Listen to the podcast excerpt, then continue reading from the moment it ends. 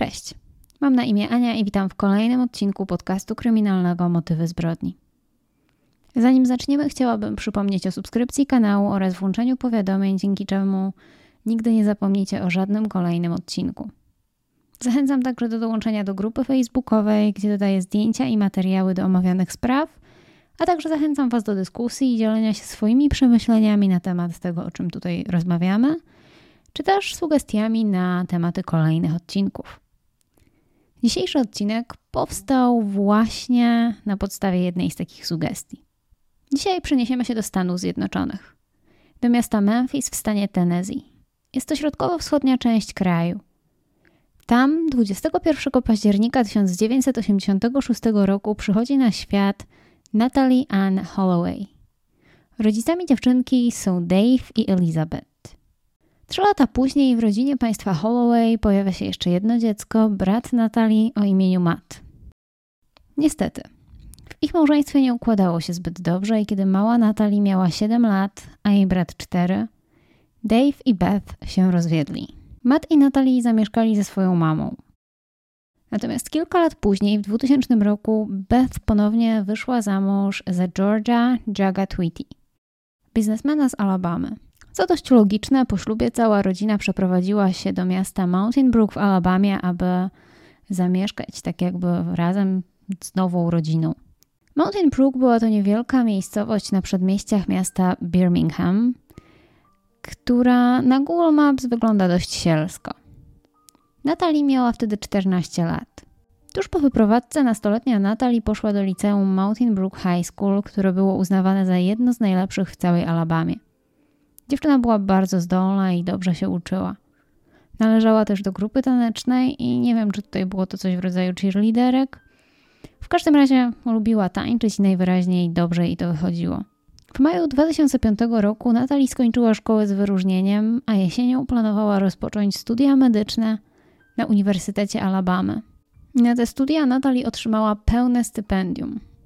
Jednak zanim dziewczyna miała w pełni wkroczyć w samodzielne życie studentki, czekały ją ekscytujące wakacje, które miały się zacząć od wyjazdu absolwentów liceum Mountain Brook High School.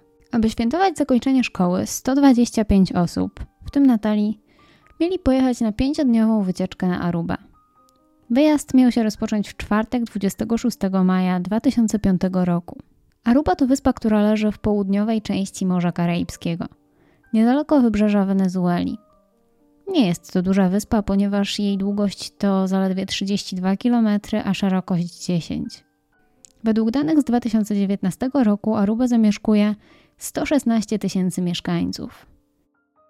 Niegdyś terytorium to należało do Królestwa Holandii, natomiast w 1986 roku Aruba stała się niepodległym państwem. Podczas wyjazdu absolwentom liceum Mountain Brook towarzyszyło siedmiu opiekunów, którzy codziennie spotykali się z uczniami, aby sprawdzić, czy wszystko jest w porządku. Nie jestem pewna, czy ten wyjazd był oficjalny i był związany ze szkołą, do której uczęszczali, czy też była to taka wycieczka, którą uczniowie zaplanowali sobie sami, a opiekunowie mieli z nimi jechać, aby rodzice nie bali się o swoje pociechy. Udało mi się znaleźć informację, że była to swojego rodzaju tradycja w liceum, do którego chodziła Natalie. Warto wspomnieć, że Aruba ze względu na wcześniejszą przynależność do europejskiego kraju miała nieco inne prawo niż Stany Zjednoczone. W Stanach 19-letni ludzie nie mogą legalnie kupić alkoholu, natomiast na Arubie takie ograniczenie nie miało już miejsca i podejrzewam, że był to jeden z istotnych czynników przy wyborze celu wycieczki. Łatwo sobie wyobrazić, jak taki wyjazd mógł wyglądać. Młodzi ludzie, wolni od spojrzenia rodziców, szczęśliwi z powodu ukończenia szkoły i podekscytowani nowymi wyzwaniami. Spędzali czas wspólnie, być może po raz ostatni, na tropikalnej wyspie. Młodzi ludzie najprawdopodobniej planowali jedną wielką imprezę, która miała potrwać pięć dni. Może o tym zdecydowanie świadczyć stanowisko hotelu Holiday Inn, gdzie wycieczka się zatrzymała – bardzo szybko stwierdzili oni, że za rok nie chcą gościć u siebie absolwentów Mountain Brook. Natalie, mimo że sprawiała wrażenie bardzo grzecznej i ułożonej osoby, miała świetne wyniki w nauce, to nie próżnowała w czasie tego wyjazdu, tak jak inni korzystała z życia na 100%. Piła alkohol, brała udział w głośnych imprezach i robiła wszystko to, co możemy nazwać dobrą zabawą. Młodzi ludzie praktycznie codziennie rozpoczynali dzień koktajlami. Kontynuowali alkoholową zabawę przez resztę dnia. A wieczorami chodzili po klubach dla turystów, szukając jeszcze lepszej zabawy, chcąc trochę potańczyć. Koleżanki Natalie, Liz i Claire stwierdziły, że wszystkie piły trochę za dużo w czasie pobytu na Arubie. W przedostatni dzień pobytu wszyscy najprawdopodobniej chcieli po raz ostatni jeszcze zaszaleć, zanim następnego dnia ponad 100 młodych ludzi stawi się na lotnisku, aby wrócić do domu i odpocząć po tych trudnych pięciu dniach. Natalie spakowała swój bagaż i przygotowała wszystkie dokumenty, aby rano zabrać rzeczy i udać się na lotnisko. Ponieważ tej nocy najwidoczniej nie miała w planach szybkiego powrotu do hotelu. Natalie z koleżankami, a także reszta wycieczki wybrali się do kasyna w jednym z hoteli na Arubie. Jednak kiedy około pierwszej w nocy kasyno miało zostać zamknięte, część uczestników imprezy postanowiła wrócić do hotelu. W końcu następnego dnia mieli wracać do domu i być może chcieli się zwyczajnie wyspać. Natomiast druga część nie chciała jeszcze kończyć zabawy. Postanowili pójść do baru połączonego z klubem nocnym Carlos and Charlie's. W trakcie tamtego wieczora młodzi ludzie poznali trzech młodych chłopaków. 17-letniego Jorana van der Slota, 18-letniego Satisha Kalpow i jego brata 21-letniego Dipaka. Joran pochodził z Holandii, ale mieszkał obecnie na Arubie. Był to rodzaj jakiejś wymiany szkolnej. Chłopak chodził do International School of Aruba. Natomiast bracia Kalpow pochodzili z Surinamu, niewielkiego państwa w północnym krańcu Ameryki Południowej. Absolwenci postanowili zabrać swoich nowych znajomych ze sobą do baru. Około 1.30 Natalie była widziana po raz ostatni przez swoich znajomych ze szkoły, kiedy wychodziła z baru z 17-letnim Holendrem i wsiadała z nim i jego kolegami do samochodu Dipaka. 30 maja 2005 roku wszyscy wstali po intensywnej nocy i zaczęli zbierać swoje rzeczy, aby udać się na lotnisko i wrócić do Alabamy. 30 maja 2005 roku wszyscy wstali po intensywnej nocy i zaczęli zbierać swoje rzeczy, aby udać się na lotnisko i wrócić do Alabamy. Jednak szybko okazało się, że brakuje jednej osoby Natalii. Opiekunowie zaczęli dzwonić na telefon młodej kobiety, ale ciągle było zajęte. Natychmiast odszukali pokój dziewczyny i okazało się, że jej bagaż i paszport leżą w środku, ale dziewczyny nigdzie nie ma. Kiedy jeden z jej szkolnych znajomych powiedział, że widział, jak poprzedniej nocy Natalie wsiadała do samochodu z trzema nieznajomymi, opiekunowie postanowili zgłosić sprawę na policję. Podejrzewali, że mogło się stać coś złego. Wyspa nie była duża, więc odnalezienie Natalii nie powinno zabrać dużo czasu. Władze Aruby rozpoczęły poszukiwania Natalii na całej wyspie oraz w okolicznych wodach. Kiedy o sytuacji dowiedzieli się rodzice, mam na myśli matkę i ojczyma Natalii, nie czekali długo i przylecieli na wyspę prywatnym samolotem jeszcze tego samego dnia. Podobno to właśnie rodzice Natalii jako pierwsi ustalili nazwisko młodego Holendra, z którym ich córka była widziana po raz ostatni. Podobno nazwisko to zostało im przekazane przez menedżera hotelu Holiday Inn, który miał rozpoznać młodego Holendra na jednym z nagrań z monitoringu. Rodzice Natalii wraz z miejscową policją udali się do domu Jorana van der Slota w poszukiwaniu zaginionej. Na początku nastolatek zaprzeczał, aby kiedykolwiek poznał młodą turystkę z Alabamy o takim imieniu i nazwisku. Ale w końcu powiedział, że poprzedniej nocy on i jego znajomi podwieźli dziewczynę do hotelu. Mieli wcześniej zatrzymać się na plaży o nazwie Arashi na prośbę dziewczyny, która chciała zobaczyć tam rekiny, ale już około drugiej nad ranem wysadzili ją w okolicy hotelu. Joran mówił, że Natalie była dość pijana i upadła idąc w stronę hotelu, ale nie chciała pomocy. Wtedy podszedł do niej mężczyzna w czarnej koszuli, podobnej do tych, które nosi ochrona. Dlatego też ich to nie zaniepokoiło i odjechali. Wersję Jorana natychmiast potwierdził Deepak, który był wtedy w jego pokoju. Lokalne władze, kiedy dowiedziały się, że zaginiona kobieta była turystką, postanowili wysłać team płetwonurków, aby przeszukali wody wokół wyspy, chcąc ratować reputację tego niewielkiego kraju, który utrzymywał się głównie z turystyki. W akcji brało udział około tysiąc osób, włączając w to licznych wolontariuszy. Jednak akcja w wodzie po tygodniu poszukiwań nie przyniosła żadnych rezultatów. W poszukiwaniach Natalii brali udział wolontariusze z Aruby i Stanów Zjednoczonych. Rząd Aruby dał także urzędnikom dzień wolny, aby mogli dołączyć do poszukiwań młodej turystki. W akcji brało udział 50 holenderskich wojskowych, którzy sprawdzali linię brzegową. Natomiast banki arubańskie, które też jakoś chciały pomóc w poszukiwaniach, zebrały 20 tysięcy dolarów amerykańskich, aby, aby te poszukiwania wspomóc. Kamery w hotelu Holiday Inn obejmowały tylko lobby i nie zarejestrowały powrotu Natalii tamtej nocy. Poddaje się w wątpliwość, czy kamery w tamtym hotelu w ogóle działały, jednak nie wiem, czy ta kwestia jest istotna, ponieważ z tego, co mówiła arubańska policja, Natalie nie musiała przechodzić przez lobby, aby pójść do swojego pokoju. Więc nawet jeśli monitoring by działał, nic by to nie zmieniło. Policja monitorowała także głównych podejrzanych w sprawie zaginięcia Natalii, czyli Jorana i braci Kalpo. Monitorowano ich telefony, maile, także to, gdzie wychodzili i co robili. Aby mieć pewność, że nie mają nic wspólnego z zaginięciem dziewczyny, albo żeby mieć pewność, że zareagują w odpowiednim czasie, kiedy tylko coś będzie wiadomo. Sprawdzono także historię przedstawioną przez Jorana odnośnie rzekomego ochroniarza, który miał zaczepić Natalii tamtej nocy. Pobliskim hotelu Allegro, który akurat był zamknięty ze względu na remont, pracowało dwóch ochroniarzy, a jeden z nich często zaczepiał kobiety. 5 czerwca 2005 roku policja aresztowała obu ochroniarzy. Nika Johna i Abrahama Jonesa. Pod zarzutem porwania i morderstwa, jednak nigdy nie podano, dlaczego do takiego aresztowania doszło. Według miejscowych mediów policja mogła chcieć, aby Joran oraz bracia Kalpo poczuli się bezpieczniej i popełnili jakiś błąd. Osiem dni później obu ochroniarzy zwolniono z aresztu bez stawiania im jakichkolwiek zarzutów. 9 czerwca 2005 roku policja aresztowała Jorana van der Slota i braci Kalpo pod zarzutem porwania i morderstwa Natalie Holloway. Przypomnę tylko, że ciało młodej Amerykanki nie zostało odnalezione, ani też żadne dowody na to, że coś takiego mogło się wydarzyć.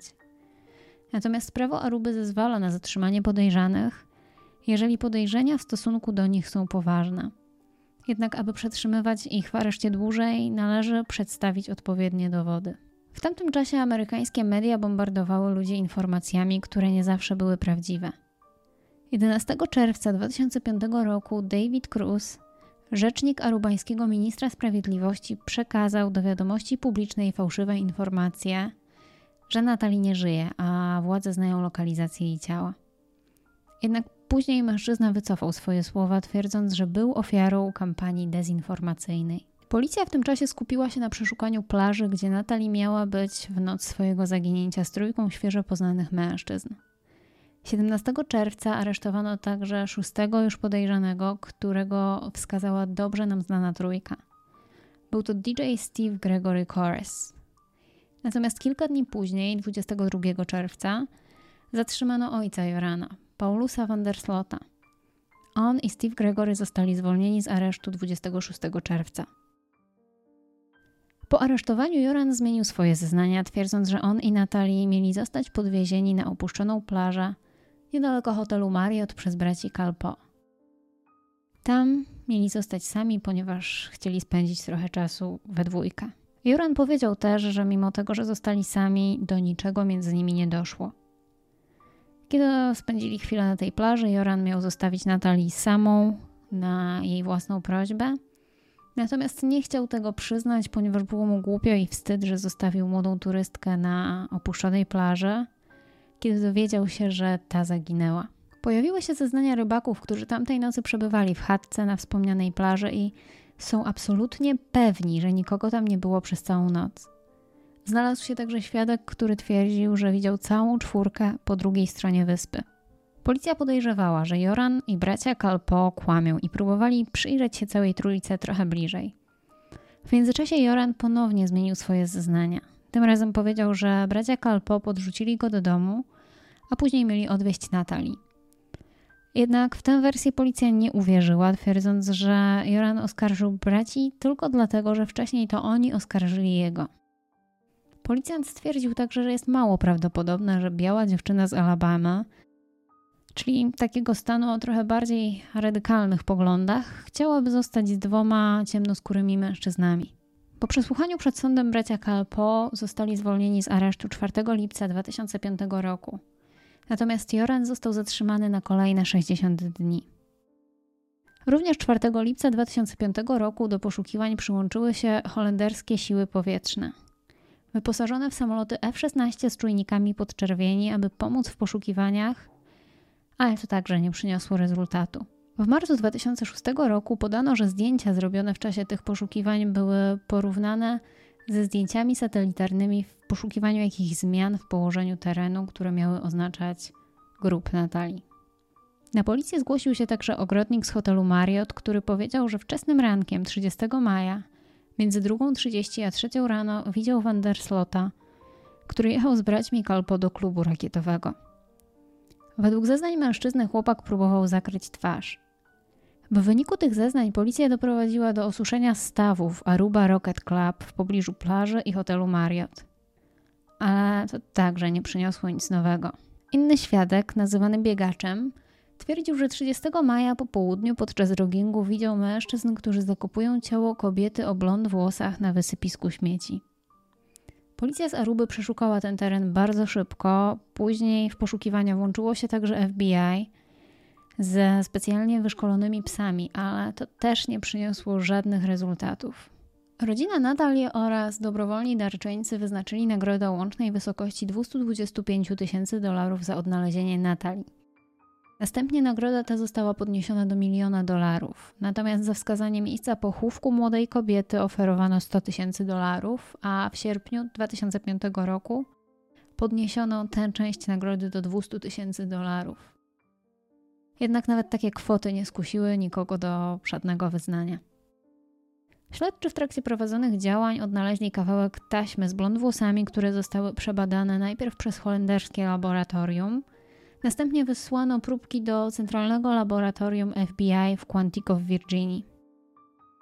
FBI ogłosiło, że włosy nie należały do Natalie Holloway. 26 sierpnia ponownie aresztowano braci Kalpo. Tym razem z nowym podejrzanym, 21-letnim Fredim Arambacizem. Według prawnika 21-latka młody mężczyzna został aresztowany za kontakt fizyczny i sfotografowanie nieletniej dziewczyny. Podobno incydent ten miał miejsce zanim zniknęła Natali. Poza Fredim w tym incydencie mieli brać udział także pozostali mężczyźni. Bracia Kalpo i Joran van der Slot. Jednak później okazało się, że była to desperacka próba policji, która miała skłonić braci do przyznania się do winy. 3 września wszyscy zatrzymani zostali zwolnieni przez sędziego, mimo że prokuratura bardzo chciała ich zatrzymać. Mężczyźni mieli zostać do dyspozycji policji, jednak już następnego dnia sąd apelacyjny zdjął, zdjął z nich wszelkie ograniczenia. Po opuszczeniu aresztu Van udzielił kilku wywiadów, gdzie opisywał swoją historię z nocy, kiedy zniknęła Natalii oraz podkreślał, że ma nadzieję, że młoda Amerykanka niedługo się odnajdzie. W styczniu 2006 roku FBI ponownie przesłuchało kilku uczestników wyprawy na Arubę, a 17 stycznia arubańska policja rozpoczęła ponowne poszukiwania ciała Natalii na wydmach po północno-zachodniej stronie wyspy oraz w okolicach hotelu Marriott. Kolejne poszukiwania odbyły się w marcu i kwietniu, ale tutaj rezultat znowu był żaden. Niedługo przed porzuceniem sprawy Natalii arubańska policja stwierdziła, że Holloway nie została zamordowana na wyspie. Możliwe, że zmarła wskutek przedawkowania alkoholu lub narkotyków, a ktoś ukrył jej ciało. Mówili także, że Aruba wydała na poszukiwania Natalii około 3 milionów dolarów, co stanowi 40% rocznego budżetu ich policji. Wskazano, że istnieje prawdopodobieństwo, że Natalie mogła posiadać nielegalne substancje, ale rodzina kobiety wszystkiemu zaprzecza. W 2010 roku Joran van der Slot znowu zmienił swoją wersję zdarzeń. Powiedział, że pozbył się ciała Natalii i porzucił je na bagnach.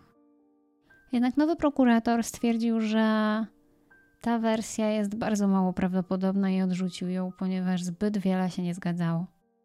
Joran zgłosił się do prawnika mamy Natalii i powiedział, że wskaże miejsce ukrycia zwłok za 25 tysięcy dolarów zaliczki. Później natomiast chciał kwoty w wysokości 200 tysięcy dolarów, czyli łącznie 225 tysięcy.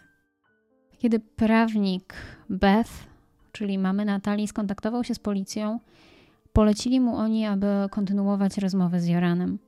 Uzgodniono, że do transakcji dojdzie 10 maja 2010 roku. Wtedy też zlecono polecenie przelewu na konto Jorana w Holandii. Otrzymał także 10 tysięcy dolarów w gotówce. Jednak informacje, które młody mężczyzna dostarczył, były nieprawdziwe.